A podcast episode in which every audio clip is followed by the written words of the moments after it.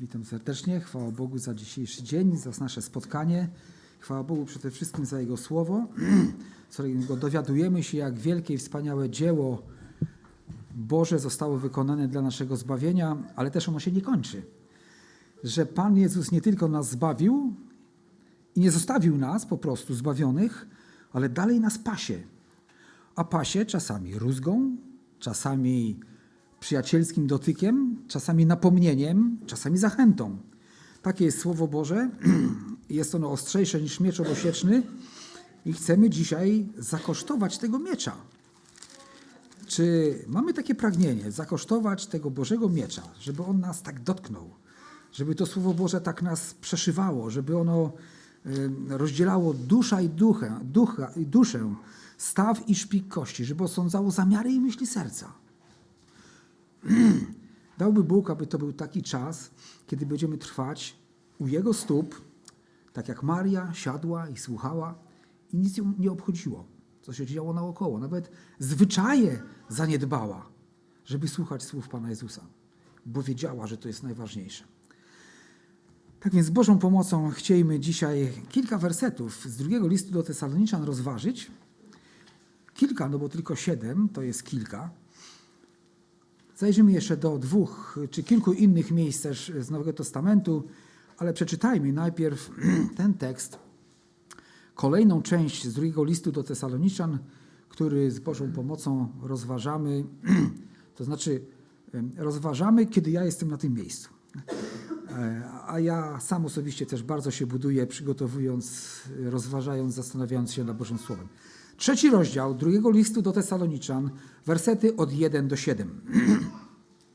Na ostatek, bracia, módlcie się za nas, aby słowo Pańskie krzewiło się i rozsławiało wszędzie, podobnie jak u was.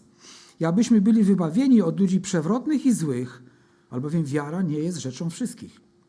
A wierny jest Pan, który was utwierdzi i strzec będzie od złego, co zaś do Was, to mamy ufność w Panu, że to, co Wam rozkazujemy, czynicie i czynić będziecie.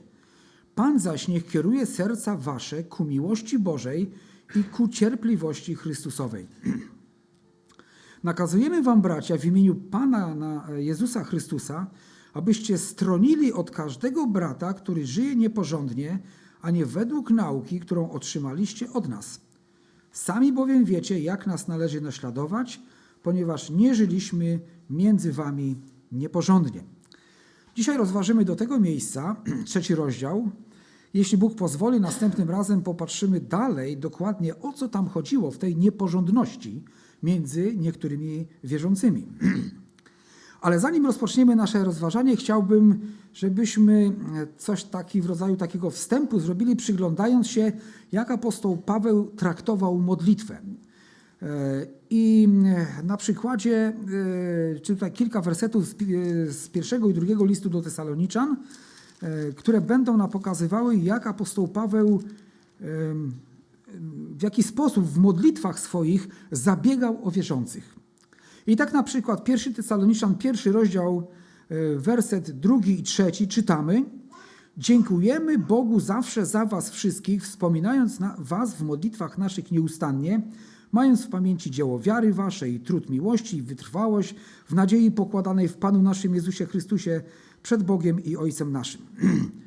Więc to, w tym miejscu apostoł Paweł dziękuje za Tesaloniczan, że oni że mieli wiarę, że mieli miłość, że mieli wytrwałość i te rzeczy służyły Chrystusowi. To nie była jakaś miłość, jakaś wytrwałość, e, to nie była jakaś tam wiara, to wszystko było powiązane z Panem Jezusem Chrystusem i oparte na Słowie Bożym. I za to apostoł Paweł dziękował, że oni w tych rzeczach trwali i że przyczyniali się do rozpowszechniania Ewangelii. Drugi rozdział, trzynasty werset. A przeto i my dziękujemy Bogu nieustannie, że przyjęliście Słowo Boże, które od nas słyszeliście, nie jako Słowo ludzkie, ale jak jest prawdziwie jako Słowo Boże, które też w Was wierzących skutecznie działa. I dalej, gdybyśmy czytali, dowiemy się, że oni stali się wzorem do naśladowania dla innych wierzących. A więc apostoł Paweł wiedział, że to, co się stało w życiu Tesaloniczan, było to z jednej strony Boże dzieło, bo działało tam Boże Słowo, ale razem z Bożym Słowem spotkała się również ich wiara i posłuszeństwo, i dlatego oni przyjęli, przyjęli Słowo Boże nie jak słowo kaznodziei, tylko jak Słowo Boże. Dlaczego tak się też stało? Ponieważ apostoł Paweł głosił nie własną naukę, tylko naukę Chrystusa. I Duch Święty sprawił, że Tesaloniczanie rozpoznali, że to, co głosi Paweł i to, w jaki sposób postępuje, pochodzi od Boga. I Paweł dziękuje im, Bogu, że nieustannie, że stało się tak w życiu Tesaloniczan, że oni to, co on głosił, to Słowo Boże, które on głosił, przyjęli rzeczywiście tak, jak to było w rzeczywistości, jako Słowo Boże. I w trzecim rozdziale, w dziesiątym wersecie, we dnie i w nocy modlimy się bardzo gorliwie o to, aby nam dane było oglądać Wasze oblicze i dopełnić tego, czego brak w Waszej wierze. Tu jak apostoł Paweł się modli o to, żeby się spotkać z Saloniczanami i żeby móc również jeszcze budować ich dalej Słowem Bożym. Była to też wyraz takiej e, gorącej miłości do tych chrześcijan, i apostoł Paweł się modli, aby ta gorąca miłość mogła się też za pozwoleniem Bożym wyrazić tym, żeby mogli się spotkać. W drugim do Tesaloniczan 1:3 czytamy: Powinniśmy zawsze dziękować Bogu za was, bracia. Jest to rzecz słuszna. Wiara wasza bowiem wzrasta, a wzajemna miłość wasza pomnaża się w was wszystkich. E, Więc znowu pojawia się to dziękowanie za to Boże dzieło, które się wypełnia w życiu Tesaloniczan. Em, Przy tej okazji, jeśli dobrze pamiętam, mówiliśmy że też, że dobrze jest modlić się i dziękować za innych wierzących. Dobrze jest dziękować za to, te dobre wszystkie wieści, które docierają do nas, że tam ktoś trzyma się Pana, że tamten zbór rośnie, że tamten zbór się rozwija, że tam Jezus Chrystus jest wywyższony, że ludzie są posłuszni Bożemu Słowu, posłuszni Ewangelii. Dobrze jest mieć w, w takim ciągłym planie, również modlitewnym, dziękowanie za rzeczy, dobre rzeczy u innych wierzących, o których słyszymy. Tak, żebyśmy nie tylko wokół siebie myśleli o modleniu się, ale również mieli w pamięci innych. Jedenasty werset pierwszego rozdziału i dwunasty czytamy w tej myśli: Modlimy się zawsze za Was, aby Bóg nasz uznał Was za godnych powołania i w mocy doprowadził do końca wszystkie Wasze dobre zamierzenia dzieła wiary, aby imię Pana naszego Jezusa Chrystusa było uwielbione w Was, a Wy w Nim, według łaski Boga naszego i Pana Jezusa Chrystusa. Tu apostoł Paweł modli się o ich dalszy duchowy wzrost. Dziękuję za to, co Bóg sprawił, ale też modli się, aby oni nie zatrzymali się, broń Boże. Aby nie powiedzieli sobie, jesteśmy zbawionymi, wierzącymi chrześcijanami, cóż właściwie nam jeszcze potrzeba, tylko czekać na Pana Jezusa. Ale apostoł Paweł dobrze wiedział, że sam jeszcze nie osiągnął wszystkiego, co, co jest mu przygotowane w Chrystusie i dobrze wiedział, że inni też nie. Dlatego modlił się, żeby oni też mogli wzrastać w poznaniu Pana, żeby w ich życiu była ciągła duchowa progresja, ciągły duchowy wzrost. W drugim rozdziale, 13 werset. My jednak powinniśmy dziękować Bogu zawsze za Was, bracia umiłowani przez Pana, że Bóg wybrał Was od początku ku zbawieniu przez ducha, który uświęca i przez wiarę. tu apostoł Paweł też dziękuję Bogu, że z jednej strony było głoszone słowo, że działał Duch Święty i że oni wiarą odpowiedzieli na głoszone słowo. Tak więc e, modlitwa w życiu apostoła Pawła, modlitwa dziękczynna i wstawiennicza była nierozerwalną częścią życia apostoła Pawła i jego służby. Właściwie wydaje się, że modlitwa była jakby taką nawet wyodrębnioną częścią służby w jego życiu, jakąś taką służbą samą w sobie. Oprócz tego, że głosił Boże Słowo, e, dbał o to, żeby dziękować i za wierzących i prosić o nich. I apostoł Paweł to w swoim życiu pielęgnował. To też to pokazuje nam świadomość, którą miał apostoł Paweł, że e, tej zależności od Boga, własnej zależności, ale też, że Kościół, że wierzący, wszyscy jesteśmy w zależności od Chrystusa i w Jego ręku. Jesteśmy częścią Jego ciała i tylko On może nas zachować, tylko On może nas ukierunkować we właściwą stronę, tylko On może nas wesprzeć w tym, abyśmy mogli idąc za Nim, iść za Nim i wzrastać w taki sposób, jak Jemu to jest miłe i jak, jak Duch Święty chciałby to właśnie sprawić w naszym życiu. Dlatego apostoł Paweł, mając tą świadomość, modli się, e, dziękując za rzeczy, które już miały miejsce za sprawą Bożą i z powodu wiary i zaufania tych ludzi względem Boga, ale też prosi o rzeczy, które jeszcze powinny się wydarzyć i mieć miejsce w życiu tych wierzących. Ale ten sługa Boży, apostoł Paweł, odczuwał też potrzebę modlitwy o samego siebie. Czytaliśmy tutaj w tym pierwszym wersecie, e, kiedy on mówi: Bracia, módlcie się za nas. Ma na myśli siebie i jego współpracowników. E, więc odczuwał też potrzebę modlitwy o, same, o samego siebie. E, znając wartość i ważność modlitwy o innych, sam takiej modlitwy potrzebował. Modlił się o wierzących, ponieważ ich miłował, bardzo mu na im duchowym wzroście zależało, ale jako człowiek i brat w Chrystusie sam również takiego wsparcia potrzebował. Tak więc pisz, zawiera tutaj takie zawołanie na ostatek, bracia, módlcie się za nas. Wiecie, to słowo na ostatek to nie znaczy, że już na sam koniec, jak już nic nie będziecie wiedzieli, co robić, to się módlcie. Nie.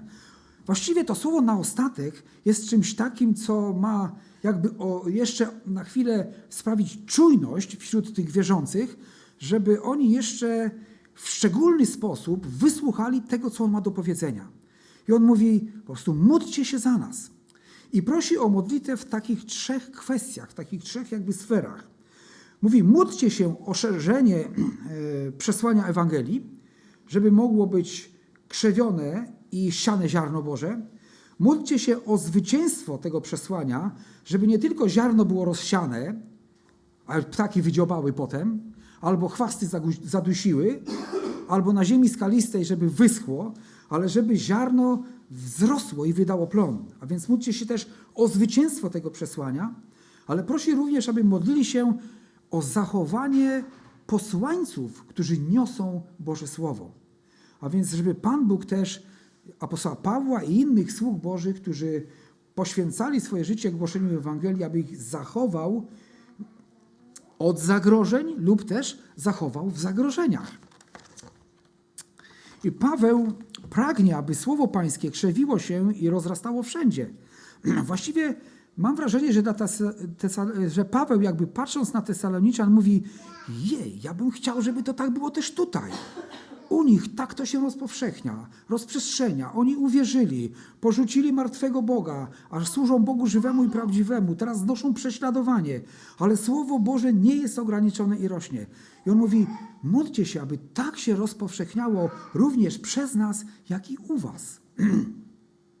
Paweł nie zazdrościł, że tam się dobrze działo. On się radował z tego i, pro, i prosił Tesaloniczan, aby oni modlili się o niego.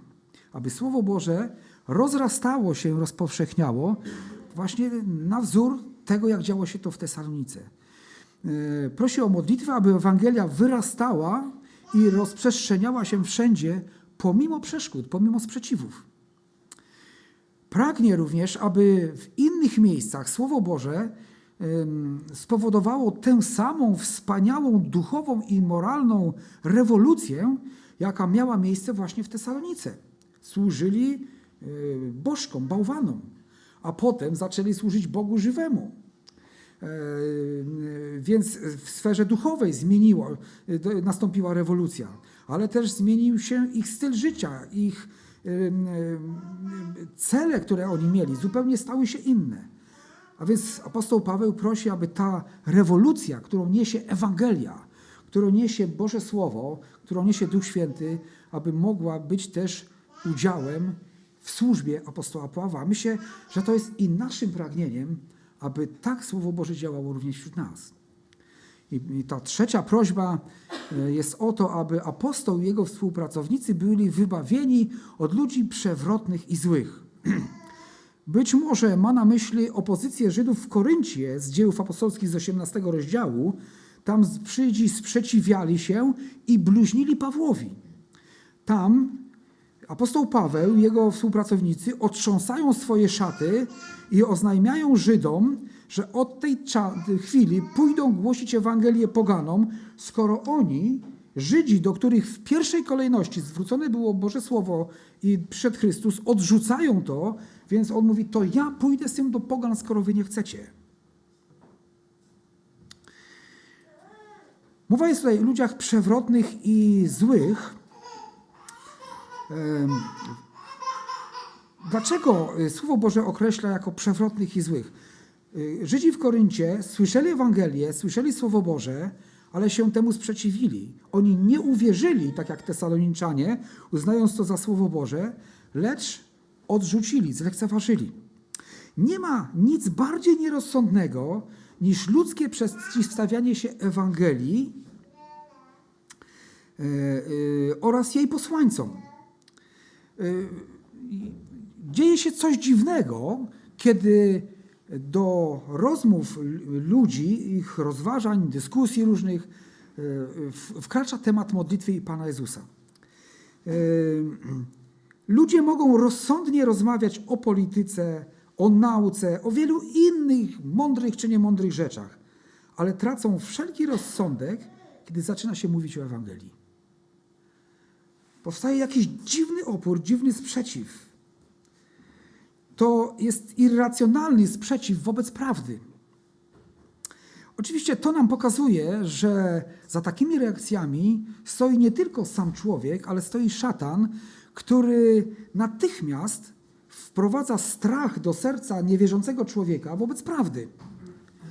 Przypominamy sobie tego króla, przed którym apostoł Paweł opowiadał o sprawiedliwości, o Bożym Sądzie i on w pewnym momencie, ten król mówi dość, dziejów apostolskich tam jest takie, taka sytuacja opisana, mówi dość, wystarczy.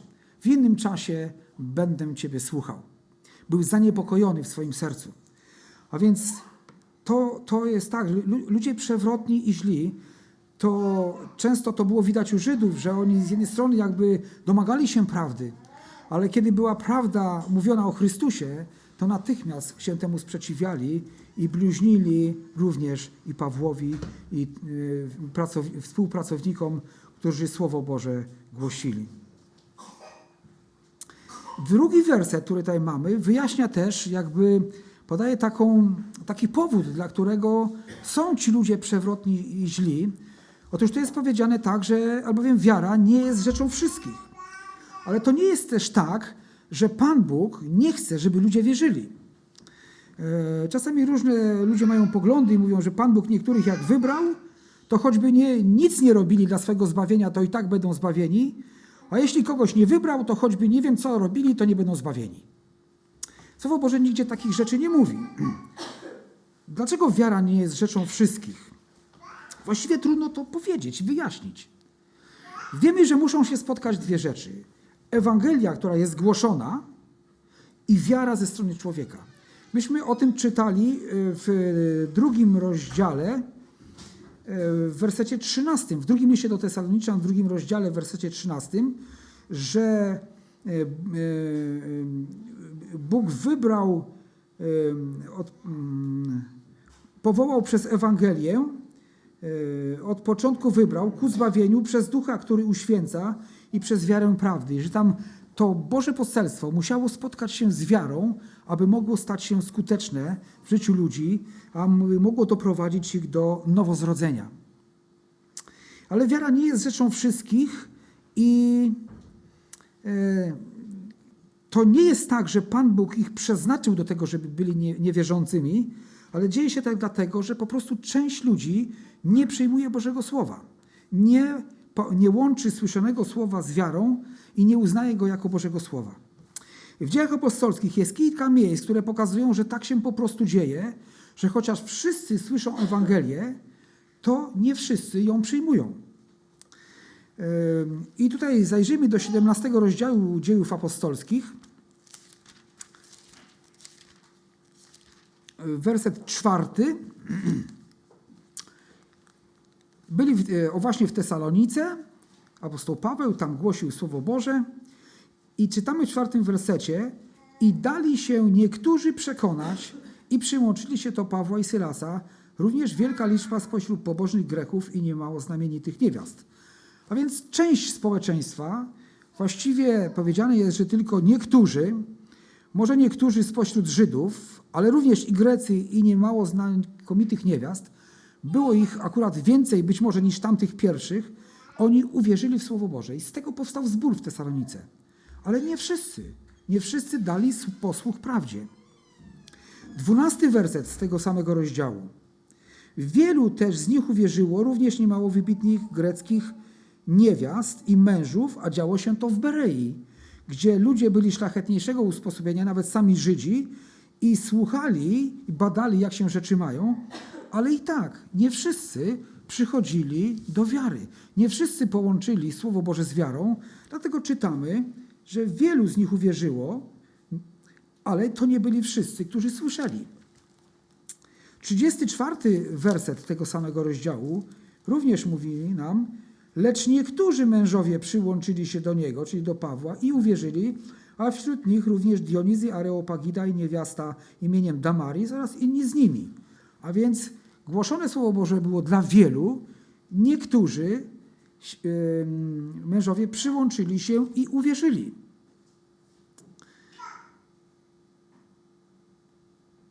I jeszcze jedno miejsce z 19 rozdziału e, Dziejów Apostolskich, 18 werset. Wielu też z tych, którzy uwierzyli, przychodziło, wyznawało, wyjawiało uczynki swoje. Wielu, ale nie wszyscy, o wielu więcej słyszało Boże Słowo niż tych, którzy dachowali posłuch prawdzie. Kiedy sam Pan Jezus był na ziemi i głosił, że przybliżyło się Królestwo Boże i wzywał ludzi do tego, aby pójść za nim, mu zaufać, również tylko pewna część ludzi, i to o wiele mniejsza, a w niektórych miastach, tak jak w Kafarnaum, w ogóle mało ludzi uwierzyło. O wiele więcej uwierzyło czasami w pogańskich miastach, czy na pograniczu gdzieś terenów y, izraelsko-pogańskich. O wiele więcej nieraz ludzi uwierzyło w Jezusa niż tych, którzy, wydawać by się mogło, powinni z radością powitać Mesjasza. I spośród tych ludzi powstawali przewrotni i źli, którzy sprzeciwiali się Ewangelii. Właściwie co pozostaje innego człowiekowi, który odrzuca prawdę, jeśli nie zacząć wierzyć kłamstwu? Jeśli odrzucasz prawdę, zostaje ci tylko kłamstwo i tylko nieprawda. I przewrotność, i zło, które czynią wobec Bożego Słowa i wobec Jego sług. Więc tych kilka miejsc wskazuje, że nie wszyscy przychodzą do żywej wiary, chociaż wielu, czy wszyscy zgromadzeni w tamtym czasie, kiedy apostoł Paweł czy inni y, uczniowie głosili Słowo Boże, słyszeli to zwiastowanie, ale tylko niektórzy, czasami znacz, większa, czasami mniejsza część uwierzyła i szła za apostołami, stawała się częścią zborów. Dzięki Bogu, że myśmy mogli uwierzyć, że należymy do tych, którzy stanęli po stronie prawdy. I Pan Bóg to pobłogosławił i przyprowadził nas do społeczności z Nim, czyniąc nas nowym stworzeniem. I dzięki Bogu, że drzwi do zbawienia ciągle są jeszcze otwarte, że dzisiaj każdy, kto by chciał stanąć po stronie Pana Jezusa, po stronie prawdy, może to przyjść i Pan Jezus go nie odrzuci. Nie odrzuca nikogo precz, kto do Niego przychodzi.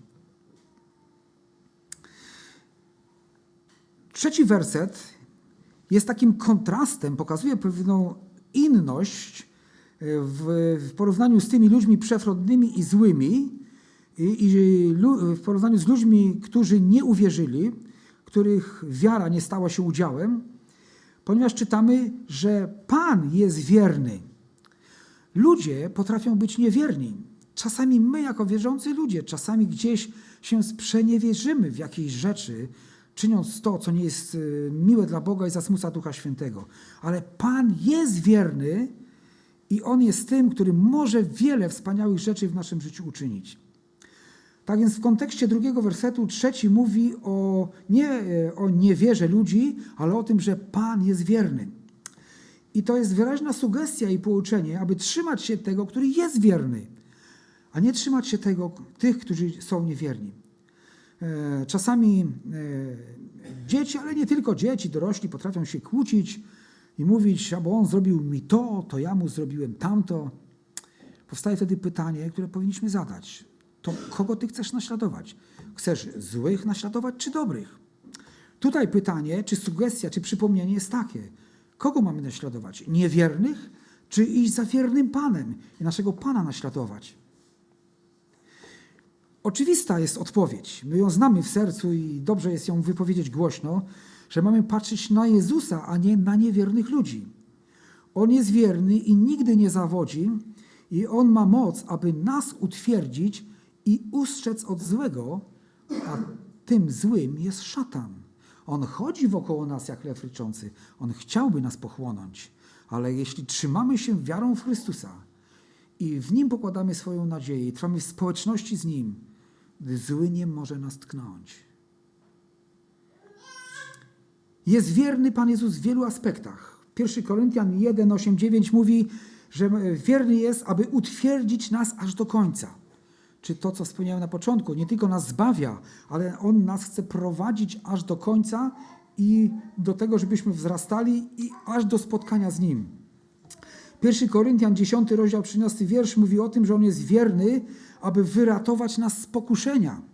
On dopuszcza pewne rzeczy do naszego życia, ale nie ponad nasze siły i On z tych pokuszeń daje wyjście. 1 Jana 1,9 mówi, że Bóg jest wierny i kiedy zgrzeszymy, a wyznajemy Bogu nasze grzechy, to Bóg jest wierny, odpuści grzech i oczyści od wszelkiej nieprawości. I w końcu to, co tutaj czytaliśmy e, w naszym trzecim wersecie, że On jest wierny i jest, ma moc, aby nas utwierdzić i strzec od złego. Pan jest wierny, dlatego mamy ufność w naszym Panu. I apostoł Paweł również miał ufność w Panu. E, myślę, że tutaj nie, on mówi o ufności co do tego, co on, Pan Jezus może zrobić i jest w stanie zrobić i chce zrobić wśród Tesaloniczan, ale apostoł Paweł miał też pewność, że i w jego życiu e, wszystko jest w Bożym ręku. Tak więc ufamy wierzymy, że On może, jest w stanie prowadzić nas do posłuszeństwa prawdzie, do posłuszeństwa nauce apostolskiej, aby e, e, listy apostolskie są pełne wezwań do właściwego i ścisłego, ściśle określonego sposobu życia, sposobu działania. Nie są to koncepcje ludzkie tego czy innego apostoła Pawła. E, to nauka Ducha Świętego spisana z Bożego natchnienia przez ludzi Bożych, przez Bożych sług.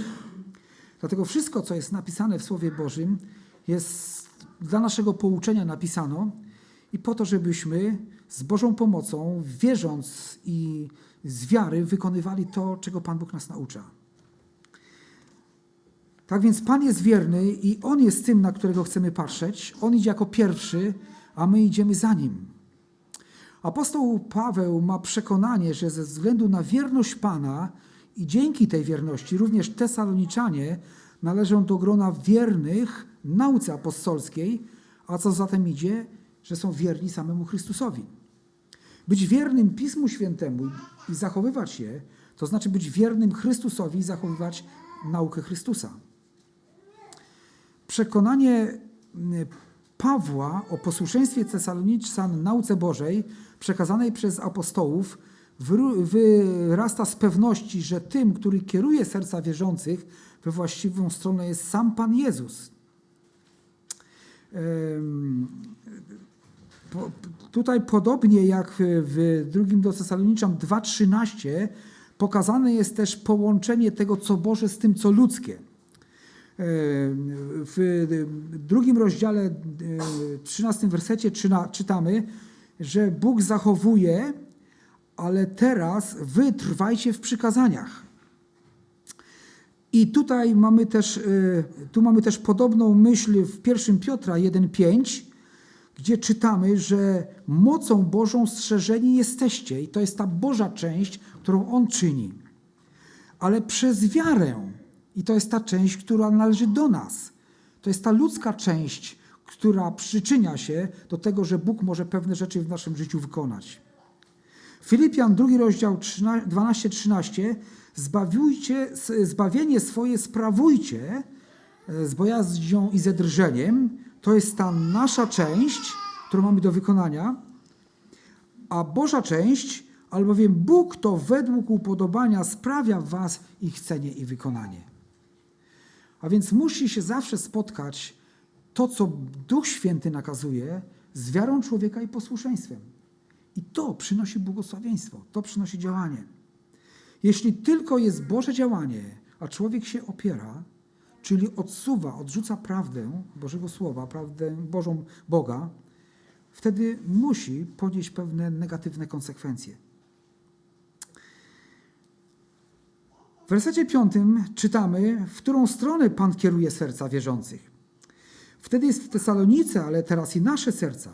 Otóż czytamy o tym, że Pan zaś niech, to jest w sumie taka też modlitwa, takie zawołanie do Boga, Pan zaś niech kieruje serca wasze ku miłości Bożej i ku cierpliwości Chrystusowej. Ta cierpliwość Chrystusowa i miłość Boża, e, to skierowanie naszego serca w tą stronę, myślę, że było bardzo potrzebne Tesaloniczanom, którzy byli w prześladowaniu. Żeby się przede wszystkim wzajemnie miłowali i żeby trwali w cierpliwym wytrwaniu przy Jezusie pomimo prześladowań, ale też żeby ich serca były wolne od nienawiści wobec tych, którzy ich ciemiężyli i sprzeciwiali się Ewangelii. I żeby mogli również tych, którzy ich prześladowali, miłować. Tak jak Bóg miłuje grzeszników,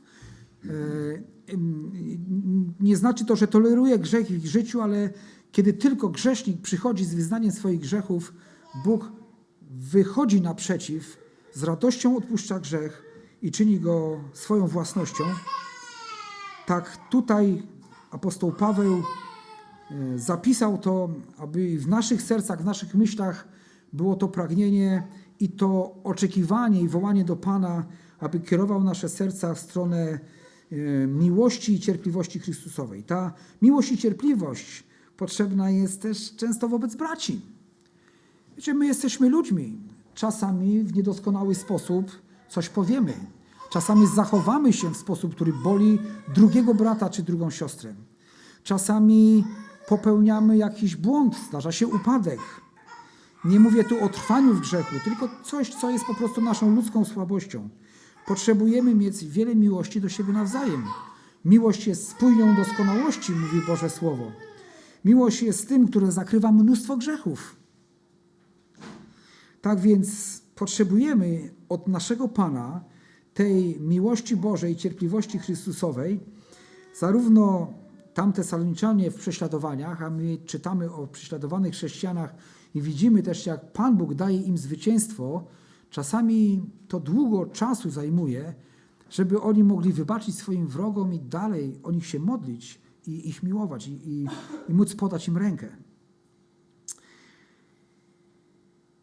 Tak więc ta miłość Boża i cierpliwość Chrystusowa jest potrzebna nam i w czasie pokoju, i w czasie prześladowania, i w dobrych, i w złych chwilach. Potrzebujemy wzrastać właśnie w, tym podobieństwie do Pana Jezusa.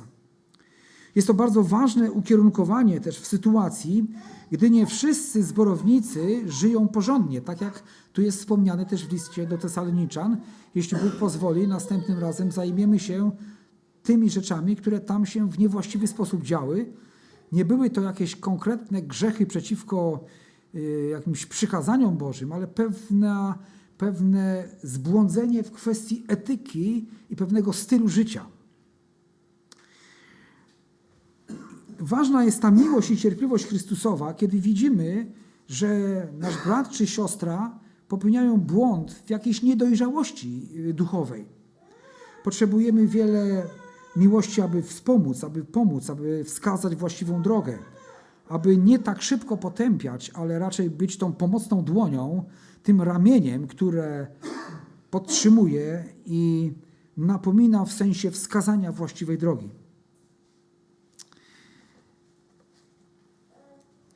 aby wzmocnić autorytet i war wartość i prawdziwość obwieszczanej nauki Bożej, Paweł przedstawia pewien argument przykładu życia swojego i jego współpracowników.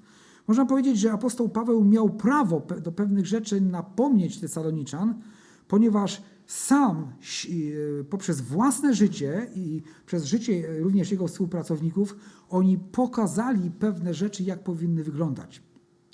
To jest coś, co jest bardzo ważne dla nas wszystkich w ogóle, ale też może w szczególności dla braci usługujących, że my musimy nie tylko nauczać, ale też pokazać, co czasami jest trudne i ja to dobrze wiem, żeby pokazać życiem, jak należy postępować. Wymaga to zaparcia samego siebie. Tak więc Paweł przedstawia argument przykładu życia swego i jego współpracowników. Pisze: Nie żyliśmy między wami nieporządnie. I dlatego możecie bez obaw nas naśladować. Ich postępowanie między Tesaloniczanami było tak wyraźne i klarowne, że niemożliwe było, aby wierzący w Tesalonice nie wiedzieli, jak i w czym należy Pawła i jego współpracowników naśladować. Nauczanie Pawła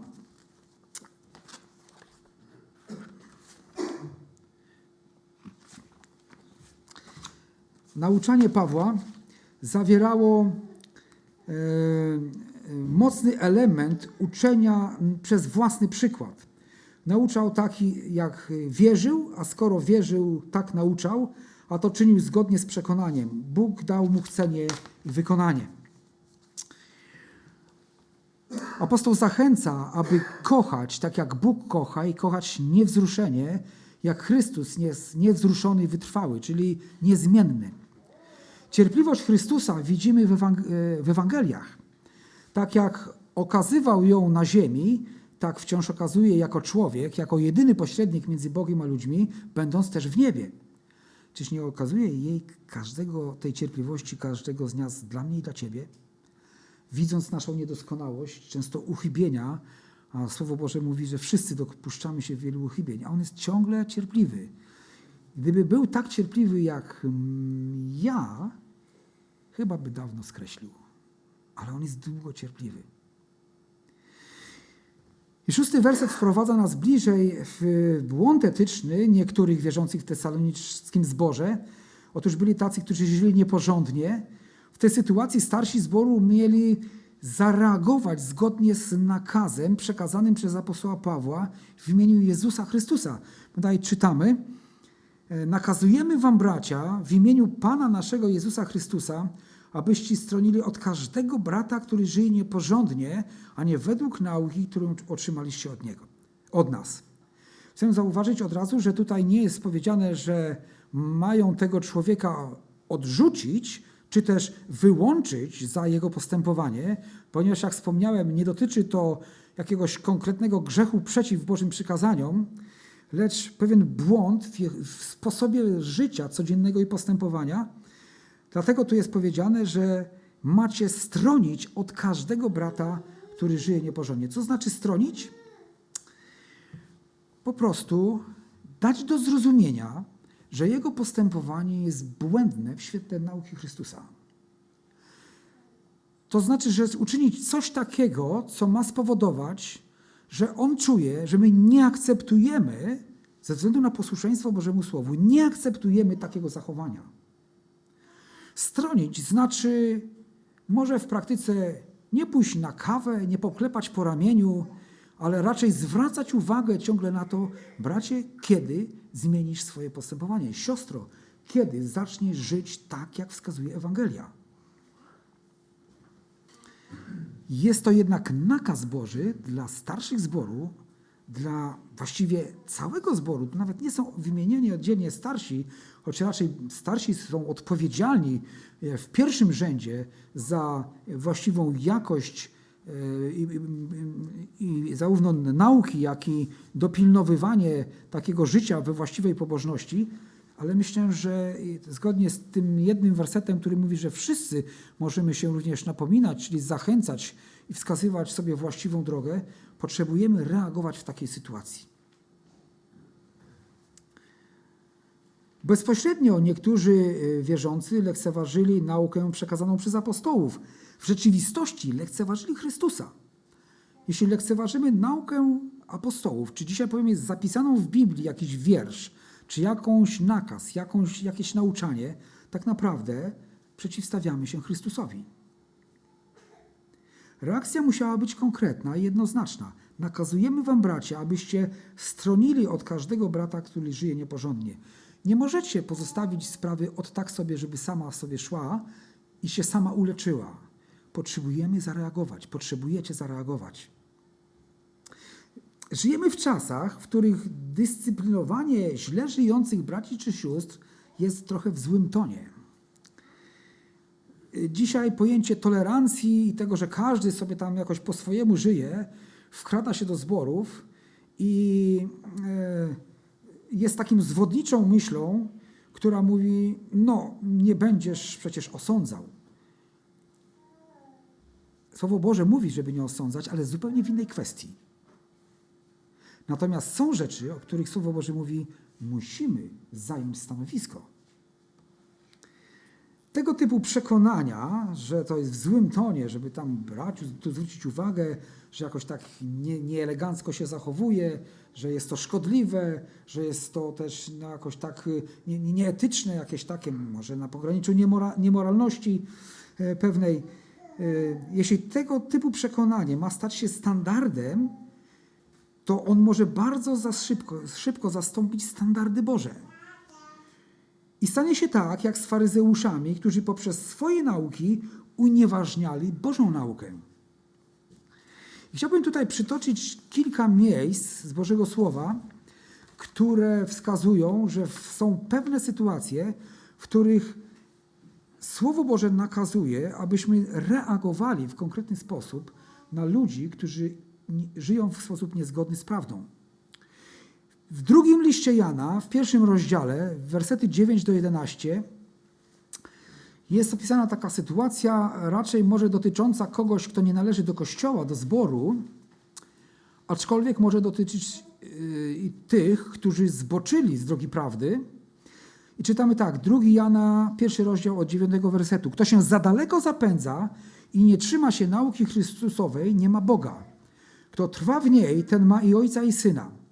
Jeśli ktoś przychodzi do was i nie przynosi tej nauki, nie przyjmujcie go do domu i nie pozdrawiajcie. Kto bowiem go pozdrawia, uczestniczy w jego złych uczynkach.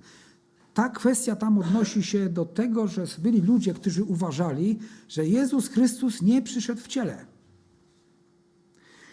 I Jan mówi, jeśli ktoś taką naukę przynosi i nie daje się skorygować w oparciu o Słowo Boże, należy w konkretny sposób zachować się wobec tego człowieka. Oczywiście nie chodzi o ludzi, którzy nie znając prawdy, którzy mają swoją jakąś naukę y, gdzieś z dziada pradziada, z ojca praojca, że po prostu oni nie wiedzą, jak jest i przychodzą i mówią: Słuchaj, ja uważam, że Maria to ma znaczenie. Ja uważam, że Maria to może nam pomóc w zbawieniu, bo to, to mamusia nas do syna przyprowadza. Ale my mówimy wtedy tak: Słowo Boże mówi, że nie. Pan Jezus powiedział: Przyjdźcie do mnie wszyscy.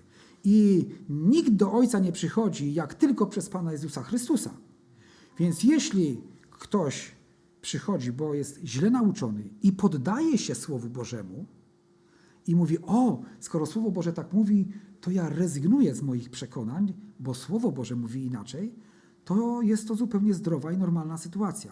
Ale miałem kiedyś taki przypadek, do mojego domu przyszedł pewien młody człowiek, wiele lat temu to było, może kiedyś opowiadałem o tym.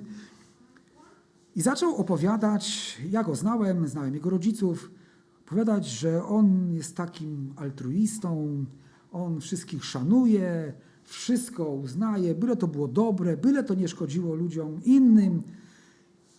Czytaliśmy Słowo Boże, ja mówiłem, że tu tak jest, tu jest tak, tu jest tak. I po godzinie, ponad godzinie rozmowy on mówi, ale w końcu przecież czy Biblia to wszystko, przecież wystarczy być dobrym człowiekiem, aby po prostu no, niemożliwe, żeby Bóg się pogniewał. Skończyła się rozmowa tak, drogi przyjacielu, koniec naszej rozmowy. Jeśli ty obstajesz przy swoim, odrzucasz Boże Słowo, żegnamy się. Tam są drzwi. Wierzycie mi, że ja tak zrobiłem? Zrobiłem tak.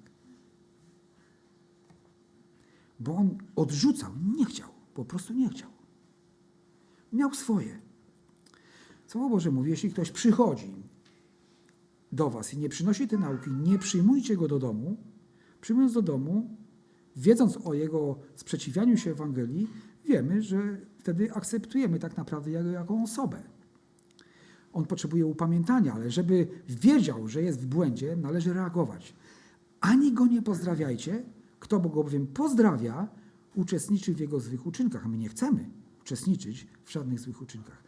Inne miejsce. Pierwszy Tymoteusza, piąty rozdział. Przeciwko starszemu skargi nie przyjmuj, chyba że jest ona oparta na zeznaniu dwóch lub trzech świadków. 1 Tymoteusza, 5 rozdział 19-20.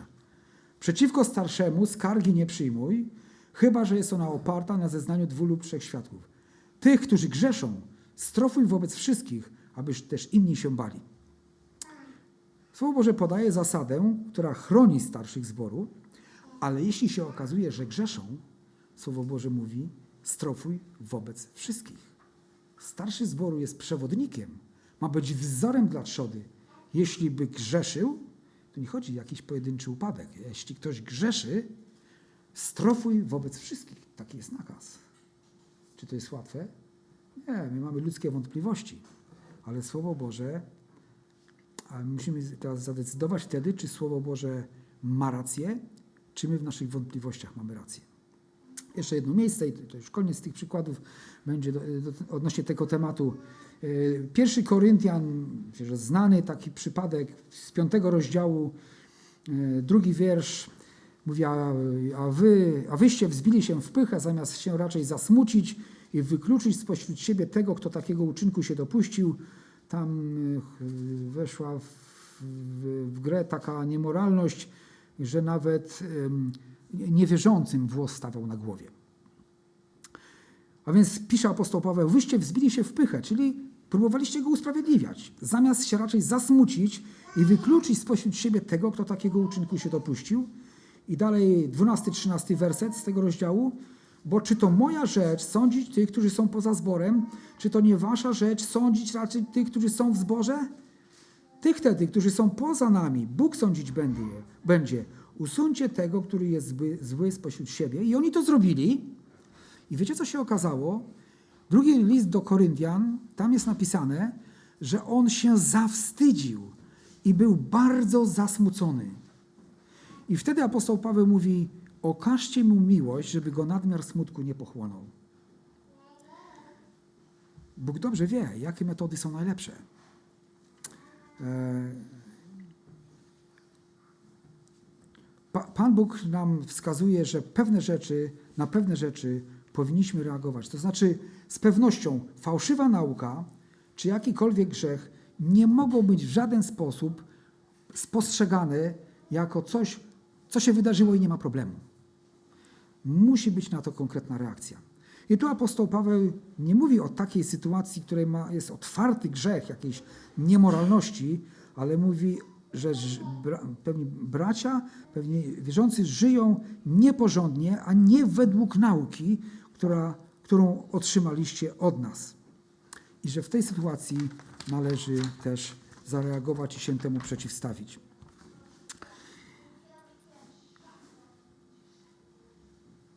Tak więc nau, nauczanie Pawła zawierało element y, y, to, że oni też dawali siebie za wzór i ten siódmy werset o którym wcześniej też wspomniałem, oni tutaj przypominają i dalej, kiedy, jeśli Bóg pozwoli, będziemy rozważać, to zobaczymy, w jakich kwestiach oni dawali siebie za wzór. I to były takie wskazówki, to był standard Boży dla wszystkich wierzących, też nauczających Bożego Słowa. Ja myślę, że to jest też bardzo ważne, że musimy być ludźmi wierzącymi, praktykującymi. Ja celowo mówię to te, ten zwrot wy, wy, wypowiadam, bo nieraz już tutaj y, wykazaliśmy jego niedorzeczność, ale to nie może być tak, że tylko, y, żeby nie było tak jak z faryzeuszami, tak, że Pan Jezus mówi, tego co mówią, to słuchajcie, bo to jest dobre, oni dobrze mówią, ale żyją jakoś dziwnie, inaczej. Apostoł Paweł był człowiekiem, który głosił i żył tak jak głosił, żył zgodnie z Ewangelią, i myślę, że to przyczyniło się do tego, że Tesaloniczanie, kiedy słyszeli słowo i widzieli postępowanie Pawła i jego współpracowników, wiedzieli, że to tylko w mocy Bożej się może stać. Taki styl życia, taka skromność, taka odpowiedzialność, takie, takie e, przebywanie Pawła i jego współpracowników wśród Tesaloniczan może tylko pochodzić e, z nadzwyczajnego Bożego działania. Drodzy bracia, usługujący, nie załamujcie się. Jeśli czujecie wielką odpowiedzialność, to dobrze. Jeśli widzicie różnicę między biblijnym wzorcem a sobą, to dobrze, że widzicie. Co mamy zrobić? Wierny jest Pan. Wierny jest Pan, który was, który nas utwierdzi i strzec będzie od złego. Tylko trzymajmy się Niego, sprawcę, sprawcy i dokończyciela wiary. On jest naszą nadzieją, że nasze życie będzie przybierać poprzez naszą, nasze szukanie Pana, trzymanie się Jego, wierność Bożemu Słowu, będzie przybierało taki kształt, że również nasze życie będzie potwierdzało to, co mówimy. Niech Pan Bóg to zdarzy, abyśmy mogli e, doświadczać tego, że Pan jest wierny, że On utwierdza i strzeże ode złego. E, On jest tym, którzy, którym mamy pokładać ufność e, w tym, żeby, żeby wypełnić też Boże Słowo i, i, przykazania Boże. Pan jest tym, który może kierować nasze serca ku miłości i ku, cierpli, ku cierpliwości Chrystus, Chrystusowej. Jemu niech będzie chwała. Ufajmy Jemu, sprawcy i dokończycielowi wiary. On jest tym, który naprawdę może. Politycy mówią, że mogą, ale Pan Bóg nie musi mówić. On po prostu może. Amen.